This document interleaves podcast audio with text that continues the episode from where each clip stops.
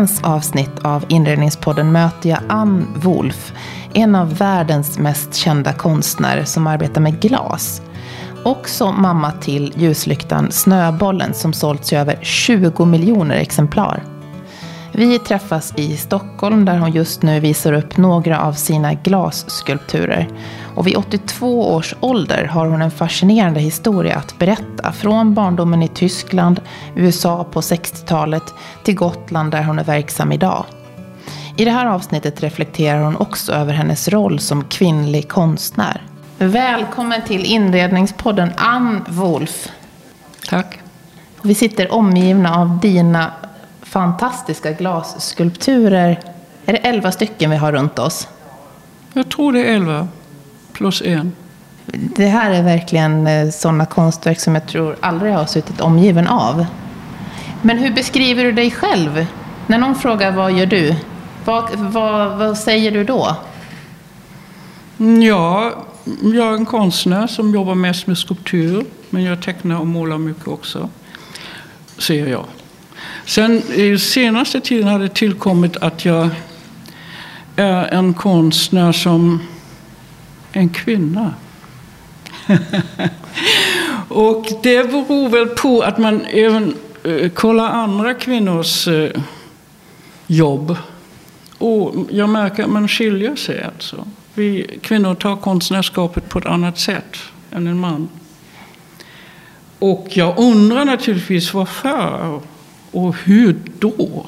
Och, och jag ser det själv på mina egna arbeten, alltså om jag jämför det med någon annan. Och eh, det kan vara ganska intressant egentligen att grunna vidare på.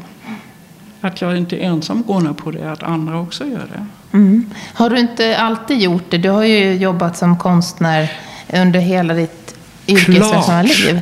Klart man har gjort det. Man, man, man gör ju det. Vad är konst överhuvudtaget? Bara den frågan är eh, en våldsam fråga. Jag har inte ens grekerna hunnit att svara ordentligt på. Så vi är fortfarande där och, och, och leker. Vad är, man, vad, vad, vad är konst överhuvudtaget? Vad betyder konst? Vill vi ha konst idag? Vad ska vi med konst till?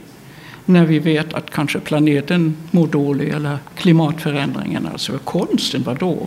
Det är bara någonting för rika människor. Så det är en fråga, jag, tycker den är, jag tar den mycket allvarligt, på allvar. Det gör väl de flesta konstnärer också. Men eh, mm, jag tycker även allmänheten borde kolla lite grann, vad är detta? Va? När vill jag ha konst, när vill jag inte ha konst? När är konstutställningarna mot konsten till och med? Så svårbegripliga och så jobbiga att eh, en stor, en bred massa vill inte ha med det att göra. Jag tycker det är intressant. Alltså. Mm. Hur brottas du själv som jobb, har jobbat med det här hela livet? Hur brottas du själv med den här frågan med, med konsten i dagens samhälle? Mm. Är det viktigt idag? Mm. Um, hmm. Jag har visserligen jobbat hela tiden med eh, att skapa saker och ting men jag har först väldigt sent märkt att jag har en förpliktelse mot konsten. Alltså konsten med den som jag ser den. Va? Konsten är nästan min, min stora mamma eller någonting som jag vill göra en tjänst. Mm. Och då får jag absolut inte vara um, för mycket fåfäng eller någonting sånt. Eller lyssna för mycket på marknaden eller någonting sånt. För då hamnar jag snabbt i en fälla. Så man kan inte göra några beställningsjobb av dig? Uh, mm, vi kan samarbeta på en idé. Va? Det är någonting helt annat än beställningsjobb, ett beställningsjobb, tycker jag. Men uh, det andra är uh, du måste också vara privilegierad till att ha råd att, att icke vara fåfäng. Alltså, fåfäng är man, det är jag också. Jag blir skitglad om någon tycker väldigt mycket om mina arbeten och vill ta hem det och, och, och är glad för det. det. Det är normalt, det är man. Men om, man, om det blir too much, att jag då vill behaga det hela tiden med min konst och så vidare. Det, det, då är det en fälla. För konsten skull inte för min, mitt liv, alltså. jag skulle känna bättre med stolar och så vidare. Och kunna ha mer råd och vara lyxmadam och så. Men det andra är en, en, en sak, det, måste, jaha, måste jag vara med själv. Men sånt kommer man ju underfund med så småningom när man går ner på vad man håller på med. Du är ju nu, har passerat 80 år.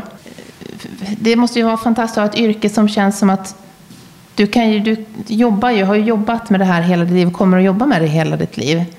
Hur har, din, hur har det förändrats? Kan du se nu när du ser tillbaka att ja, men det här är ett, så här har jag förändrats under mina år? Menar du nu uh, världen ute har förändrats eller jag har Nej, förändrat hur du har mig? förändrats? Ja. Jo, jag, jag vill hellre jobba då att, eller svara på att jag har förändrats med min blick på världen. Jag tror som en äldre människa blir man kanske lite mer generös för sig själv. Mm. Man kan skratta åt sina fel eller dumheter man har gjort. Och man lyssnar kanske mera till andra. Man, visserligen sitter man i sin konstnärsbubbla. Alla sitter i sina bubblor överallt. Jag inne och talar om det också. Och man kanske med åren försöker komma in i någon annans bubbla. På grund av att man kan säga okej, okay, det är en rik jädra samlare, men jag, med honom vill jag inte ha att göra. Han har visserligen råd att ha mina fina arbeten, men egentligen för han ett liv som inte är mitt. Eller jag är inte intresserad av det. Och, och där försöker man ju för, förstå hela situationen, varför den människan är på det viset och samlar just de grejerna. Och sen försöker man hitta den här lekande kompromissen och se till sig själv, okej okay, den här människan har min sak kanske, eller den saken som jag tycker är viktig. en kort stund, nämligen i sitt liv, kanske 80 år eller någonting. Sen hamnar det någon annanstans. Och därför måste jag göra det bra. Och därför har jag inte gjort konsten för honom. Sådana där saker är ganska viktiga att förstå. Eh, I det här fallet förstår jag för, för mig själv att det blir bättre. Jag mår bättre själv då. Men i andra sammanhang eh, går man helt in i att förstå ungdomarna också. Att försöka förstå deras eh, situation. Och den är inte lätt, för den är kolossalt annorlunda än den situationen jag hade när jag var i, i tonåring. Eller mm. så För du föddes 37 i Lübeck i Tyskland. Mm. Och sedan så gick du konstskola i Tyskland. Ja. Och sen... Nej, men jag menar allmän, alltså allmän nu, alltså ungdomarna nu med, med sina dataspel och, och uh, iPaden och iPhonen och allt detta och, och uh, en helt annat, ett helt annat, en omgängesform. Det, mm. Bortsett ifrån det en normal ungdom som jag hade, om jag hade nu varit svensk eller så. Min ungdom är naturligtvis och barndom är väldigt speciell. Jag är krigsbarn och har haft helt andra upplevelser än man kan tänka sig. Mm. Men Eh, varför kommer vi in på det? Jag tänkte, jag, menar, jag tänkte fråga dig just det. Bubblorna och förståelse för andra. Och hur jag trivs i min ålder, eller någonting sånt. Var det så? Ja, jag tänkte bara det just när du var utbildad, när du var klar, kom liksom som eh, kom ut efter, efter konstskolan. Mm. Hur, det var, måste ju ha varit, det är, många säger att det är tufft idag att slå igenom inom konst och eh, alltså som konstnär. Men det måste ju ha varit ganska tufft som kvinna på den tiden också när du oh, kom ut från skolan. Att, att hur, hur slog du igenom? Så att, hur tog det, du dig fram? Det är ett mycket långt kapitel egentligen, men, men det är bra. Vi, vi kan säga så här, att eh, jag gick ingen konstskola. Jag gick en Hochschule für Gestaltung, vilket är en designskola i Tyskland som grundades efter Eh, Eh, Bauhaus. Bauhaus vet ni var en väldigt tongivande skola, skola för inredning och design och så vidare. Inspirerat mycket, lades ner genom Hitlers eh, mm, mm, nothing, vi vill inte ha med det, det finns bara antinazistiska eh, elever och andra, slut med det. Så efter kriget försökte man bygga upp en Bauhaus-liknande skola i Ulm Hochschule für Gestaltung vid Ulm, där man verkligen försökte att göra social nytta i form av design, i form av information, i form av bauen, arkitektur och i form av visuell kommunikation. Liten skola, internationellt besatt. De kom från hela världen, inte bara lärarna, även eleverna. Vi var 110 elever, åtta kvinnor. Aha. Ingen kvinnlig lärare. Och det var nästan värre som på Bauhaus. Men jag vet att nu, just nu går det, går det tv-serierna för Bauhaus hade fyllt 100 år. Och då fanns det extra sändningar för kvinnorna på Bauhaus. Men kvinnorna i HFG Ulm, eh, det var bibliotekarier och det var eh, sekreteraren i skolsekreteraren. Ja. Och sen var vi på eleverna. Men hur som helst, man skärpte sig så in i vassen och hade en bra tid. Alltså. Jag tyckte det var en fantastisk skola. Den, den gav mig nästan en grund till att efterfråga allt jag gör. Den hade inte med konst att göra alls. Det hade med visuell kommunikation än någonting helt annat än konst. Då ska du prova hur, en bokstav fungerar va? i sin höjd och sin längd och visuell och allt detta. Eller hur en flygplats fungerar, visuell kommunikation, var skyltarna ska stå och så vidare. Och det är eh, stramt och riktigt och bra och det var en fantastisk skola. Att jag kom in på det jag alltså gjorde sen, design eller glasdesign eller sen till och med konst. Det är väldigt, det blev bara så här, det var en slingrad väg måste man nästan säga. Och den vägen kan man nästan jämföra med eh, en märklig väg som kanske kvinnor går. Va? Man blir förälskad i en man, man gifter sig, man får små barn. I mitt fall var det så att jag gifte mig med någon som hade en litet, ett litet uppdrag för ett glasbruk, Pukebergs glasbruk i Småland. Trali trala, jag födde barn, här hans hustru, kommer från Tyskland, kan inte språket och så vidare. Men jag hade ju en utbildning för katten och en allvarlig och sträng så jag jobbade och kom med mina idéer och var i hytten med min man och, och gjorde precis lika mycket som han och inte mer. Men det, var Göran Werf som, som hade då the, took the glory.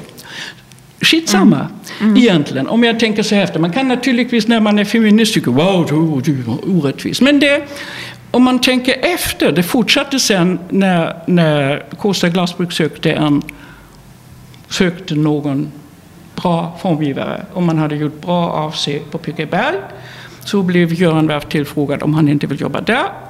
Och han sa ja, okej, okay, men min hustru måste också ha få en anställning. Och, och, ni kan jobba tillsammans för samma lön och så vidare. Och det, okej, okay, när jag tänkte efter, det, det var för jävligt alltså att det är så. Men sen nu idag tycker jag det var fantastiskt. Mm. På grund av att jag hade en enorm frihet. Va? Jag hade hela Kosta glasbruk. Jag gick i eldverkstaden och hittade på mina saker och gjorde saker. Jag var i hyttan bredvid mästaren och sa kan vi inte göra så, kan vi inte göra så. Och i sju år hade jag alltså fritt fält att prova och göra saker och ting som också togs upp i Ann och Göran Werfs sortiment, va? för bådas namn. Men samhället var ju så att Själva glasbruken var bara killar. Det var igen som på skolan. Va? De som packade var kvinnor. Ingen glasblåsare var kvinnor Nej. den tiden. Och några från på kontoret var kvinnor. Och sen var jag den lilla... Jo, någon äldre dam hade de förresten också. Som, som designade. Men det var inte så vanligt.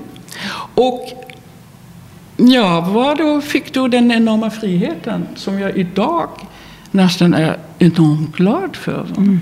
I och med det kunde jag hamna med lätthet in i den amerikanska studioglasrörelsen, så kallat.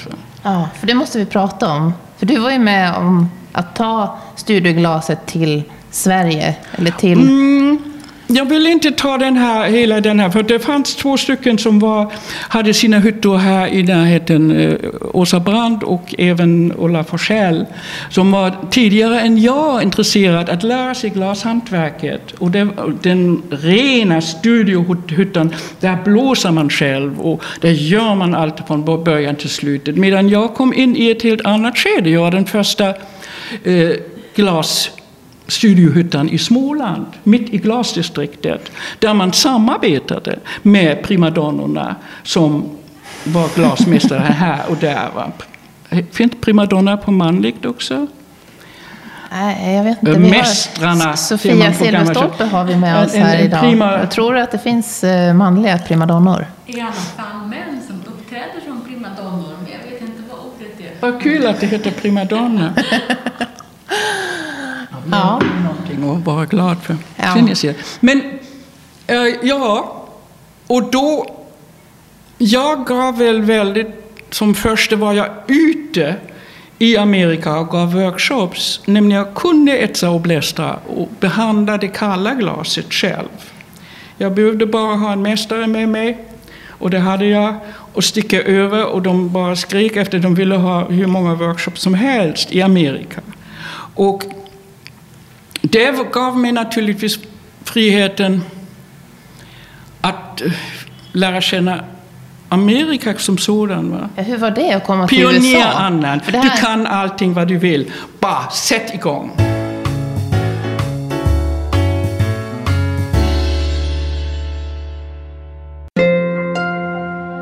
Gå gärna in och prenumerera på Inredningspodden med Johanna Hulander så får du en notis när nästa avsnitt släpps. Gå också gärna in och skriv ett omdöme eller en recension så att flera hittar till just den här podden. På inredningspodden.com finns alla avsnitt samlade för olika sätt att lyssna på, till exempel Spotify, iTunes eller Acast. Där kan du också lämna din mailadress för att få nyhetsbrev. Du vet väl att du också kan följa Inredningspodden på Instagram under ett inrednings underscore, alltså understreck podden. Och även på Facebook, där finns vi under ett inredningspodd. Där kan du också skicka medlanden, önska gäster som du skulle vilja lyssna på eller se de korta filmer som vi gör till varje avsnitt. För samarbeten och sponsring så mejla oss på info.inredningspodden.com. Det är alltså 60-talet, mitten och slutet sådär början av 70-talet. Och det, det, var inte så mycket att jag konstnärligt, eller idéerna hade jag själv, trots att jag betraktade mig inte direkt som konstnär, det kom mycket senare.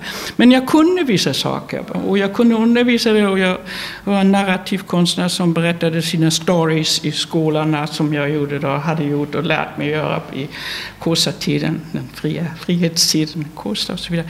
Så jag var ju väldigt intressant för dem. Och de var intressant för mig på grund av att mm, gå hem och fixa din egen hytta, nästan så.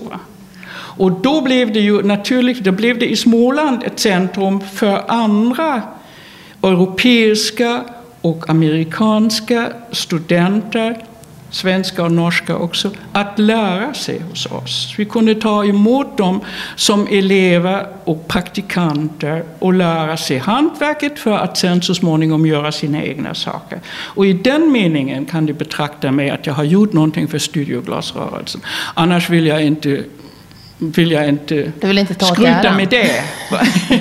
Men jag hade ju kontakt med de pionjärerna i Amerika och i Europa och det var en tid som, som var väldigt spännande. Och i och med det hamnade man naturligtvis in, in i deras gallerier på ett annat sätt. Här i Sverige fanns inga glasgallerier på det sättet. Och i och med det hamnade man någonstans där det var, intresset var stort. Man kunde eh, ge sig på komplicerade tekniker som är dyrbara att göra. Man blev av med det. Varje gång man sålde någonting så hade man råd att utvecklas vidare. Så att därför kan man i viss mån kalla dem för alla dessa märkliga samlare för sina sponsorer. När jag säger märkliga samlare, det fanns samlare som bara samlade blåglas. Det fanns samlare som bara samlade mm, vaser eller någonting sånt. Så alltså det är väldigt lustiga, ett lustigt gäng också. De det måste, det måste ju vara jätteintressant. Fick träffa, inte så ofta, men, men det samlandet som sådan är också en, en det är värt en hel reportage också. Ja.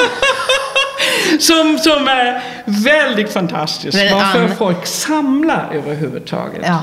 Men kan vi inte få höra, vem, träffade du några intressantare, intressanta samlare då? Jag tyckte alla var olika. Va? De var fruktansvärt olika. Som, som jag nämnde, den ena samlar blått och den andra samlar allting. Samlar bara dyra saker. Eh, jag kan inte riktigt se. Ja, någon samlar kanske bara trappor som jag har här, men jag har ingen aning. Men det misstänker jag att det finns sådana. Men sen finns det naturligtvis sådana som, som samlar allvarligt. Alltså, till exempel Alexander Tutseks stiftelse som, som jag tycker har en enormt fin samling. Och de började samla hennes man då, alltså Alexander Tutsek som var förmögen, de samlade jugendstilglas och sen så gick de över i studieglassamling. Och sen händelsevis eh, är hans hustru då väldigt kun, kunnig på området. Så att där finns alltså glasskulpturer och annat som är väldigt fantastisk. Den samlingen tycker jag är bra. Och nu utökar hon också med eh, fotografi och samlar det. Och så, det. så det finns ju, där blir man ju väldigt glad för att de kommer vara bestående. Och som jag sa tidigare, de andra samlarna är som sagt inte heller oviktiga. För att varför gör man annars... Okej, ja, det är en fråga varför gör man konsten? Det har vi varit inne på tidigare. Och det är en fråga i sig. Men om inte någon, något intresse fanns någonstans så hade man ju ingen chans att eh, staten kommer inte göra särskilt mycket. Tvärtom. Alltså, staten tycker jag det är bedrövligt alltså, att lägga 25 procent på, på mina konstverk här och, och momsen bara och så vidare. Det tycker man ju nästan är förvånansvärt dålig. För att det har inget land, alltså det är 7 procent i Tyskland och jag vet inte hur högt det är i och väldigt mycket mindre än 25 procent i Amerika. Så att det, tilldrar, det bidrar ju till att de som vill jobba med skulptur i Sverige,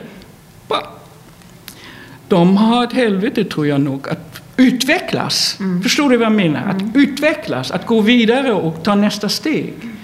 Och kanske är det på grund av detta att vi har inte så himla många bra skulptörer.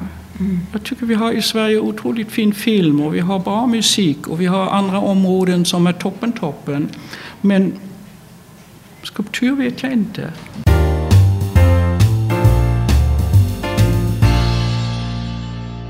När du tittar tillbaks på det du har gjort under alla år, vad är du mest stolt över själv? Jag är mest stolt över saker och ting som har en, en bred grund. Alltså. Som mitt, mina barnbarn förstår och mina syskon förstår och du och, och du eller vem, vem som helst. Uh, helst genast, utan att jag måste snacka så mycket. Ibland måste jag tips, ge lite ledning. Mm. Då är jag mest glad. Om det är nästan, eh, jag, jag tycker alltså bra konst och så vidare eh, borde ha detta. Att den har även har många skikt också. Du kan alltså lägga in någonting väldigt enkelt men också någonting komplicerat. Du kan gilla det på grund av att du är en tandläkare eller också en bagarmästare eller någonting så märkligt. Va? Nästan som sagor. De klassiska Grimms och Anderssons sagor som man förstår på olika sätt är för mig eh, nästan förebilder. Om jag kan skapa ett konstverk som har den kvaliteten är jag väldigt glad. Och eh, även Bibeln, skratta inte, men Bibeln är också nästan som sagor. Du kan ta ut det du behöver nästan, eller du ser olika saker i det, men det finns tolkningsförmåga i det.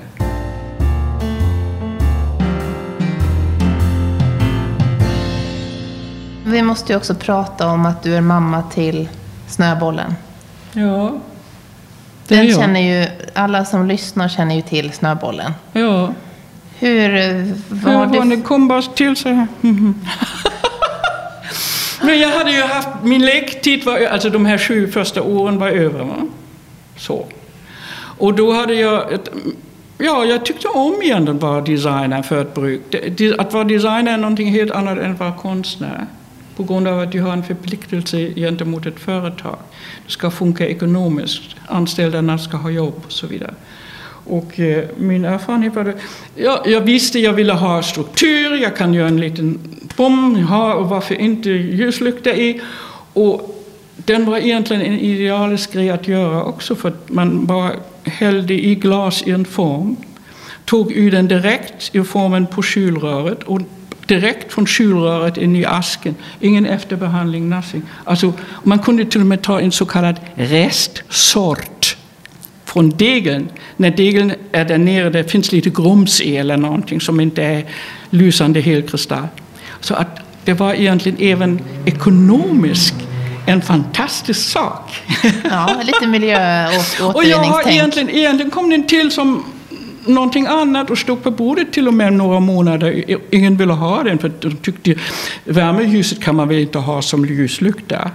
Det var inte, det var inte man hade inte sånt. Och vi tyckte till, jag tyckte till och med då, man kanske kan spruta den guld, den här värmen, så att det ser lite bättre ut. Sådana här dumheter. Men sen när den kom, väl kom ut, då var det genast inget snack om, såldes bums i affärerna. Och jag misstänker i dagens läge att den just hade det här lilla eh, som en saga, inte att den är sagolik eller något det där, att man kan tolka den på olika sätt. Alltså att även min gamla gran, granne gillade den och barn gillade den och utlänningarna kom och gillade den med helt andra kulturer och så vidare. Och det kan man nästan inte rå för att det blev så. Det hade jag inte tänkt ut, eller det blev bara så. Och eh, idag tycker jag till och med när jag tänkte efter, alldeles nyligen, eller tidigare tänkte jag okej nu, Snövallen, okay.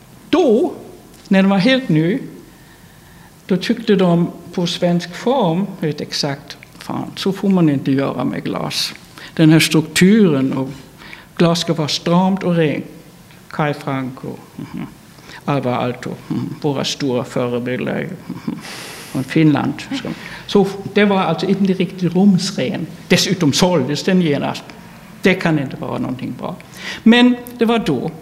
Och, och jag tyckte naturligtvis, okej, okay, då gillar de inte det, men den är bra som design för bruket. Nästan så var jag vill liksom hmm, brydde mig inte om det. Och ett tag så tyckte jag också, jag vill inte se den, hmm, jag har sett den så mycket i hyttan och så. Men när jag tänker idag, då tycker jag det är varmt och kallt tillsammans. Varmt och kallt. Det är som yin och yang i, i den här. Det vet alla vad yin och yang är numera. Den asiatiska helheten, harmonin i, i 100 procent. Och sen kom jag på, jag skulle svara ju här på en intervju om snöbollen och så vidare. Och då kollade jag igen yin och yang på Wikipedia. Wikipedia. Och då stod det, ja, yin är kvinnlig och går neråt till det mörka och det dystra och fuktiga. Och Jan går uppåt till det ljusa. Har med ljus, ljus att göra. Och det var ju i snöbollen, men det, det gör jag idag lika så Precis. med trapporna. Ja. Och jag blev så förvånad va? att man får, man får svar efteråt hela tiden eller ibland. Det beror alldeles på hur mycket man grubblar och så vidare. Och det är det som jag är lite road av nu för tiden, alltså man är äldre och kollar lägen och, och så plötsligt stämmer en grej som man inte har tänkt på så länge. Stämmer, mm, och det är fint. Men Snöbollen, visst såldes den i flera miljoner exemplar? Ja, och säljs ju fortfarande? Ja, ja. Den säljs och säljs och säljs. Numera tillverkar de den i Taiwan någonstans eller så. Jag vet. Jag har ingen kontakt med tillverkarna. Nej, för du, du, du har inte längre, sitter inte längre på någon upphovsrätt till den? Nej. Nej. Ja, det, jag fick i tio år en liten royalty. Men har inte bråkat längre om det. Så att Nej. egentligen skulle jag kunna vara rik som ett troll. Ja, på snöbollar. Ja. Ja.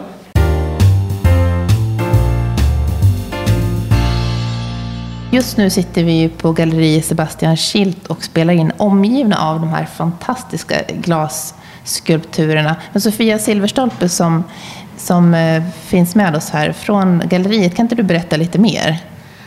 Till att börja med så vill jag ju säga att vi är väldigt glada över att Eh, Ann Wolf ställer ut här och visar en svit som kallas för Traps and Transit som man måste se med egna ögon. Det är förvillande och otroligt vackert. Och som Ann också beskriver sina verk så är de både enkla att tycka om men sen väldigt innehållsrika. Det är lite som att se in i is på något sätt också. Får man säga det? Ja, det, man kan se mycket om det. Alltså materialet som sådant är ju väldigt, eh, fortfarande har legat i träda och man kan se ligga i träda. Det har inte använts i, som konstnärligt material fullt ut.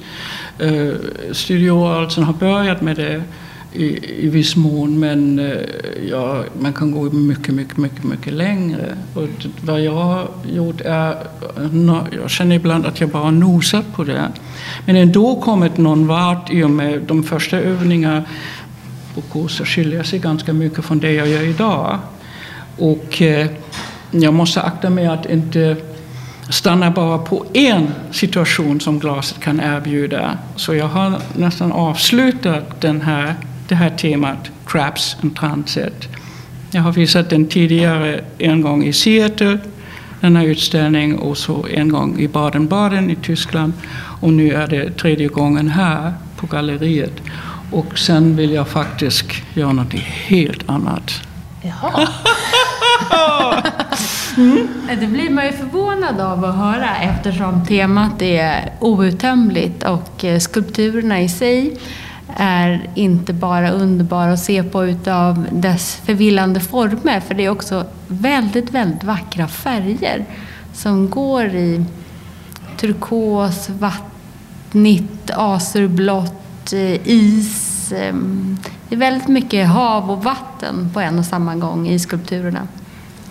Jo, Sofia, men det finns faktiskt, om man räknar efter, ungefär 20 varianter, allihopa mm. olika. Och nu är det faktiskt er tur att jobba med det. Va? Jag som konstnär kan avsluta detta ja. och sen så kan besökarna och, och alla andra grunna och ha sig och tycker det där var förfärligt eller det där är någonting fantastiskt. Jag mm. tror det sista. mm. Men Ann, du kan inte lämna oss med den liksom cliffhangern. Vad är det du kommer att göra härnäst? Jag håller på just nu med dels med färgen svart. Och det har kanske med min ålder att göra. Jag tror inte bara kanske, det har det. Jag tycker det är spännande med alla dessa svartklädda italienska kvinnor och nunnorna och svart överhuvudtaget tillhör dödsfågeln, den färgen och så vidare. Och det tycker jag är kolossalt intressant. Så jag har jobbat med fågeln ganska mycket, jag har jobbat med svart ganska mycket. Och för att inte vara hur trist som helst så har jag jobbat med metallen som har både svärta och glansen, nyckelsilver. Men, eh, och det det är ganska skönt efter glaset, alltså att ha någonting helt annat och helt nytt att se fram emot. Ja, det ser vi också fram emot. Och, eh, kanske kan vi träffas igen någon gång i, i Stockholm och diskutera Precis. svart. Då får vi ta en svart utställning här på galleriet. Det kommer också bli jättefint. Mm. Tusen tack, Ann och Sofia. Tack så mycket.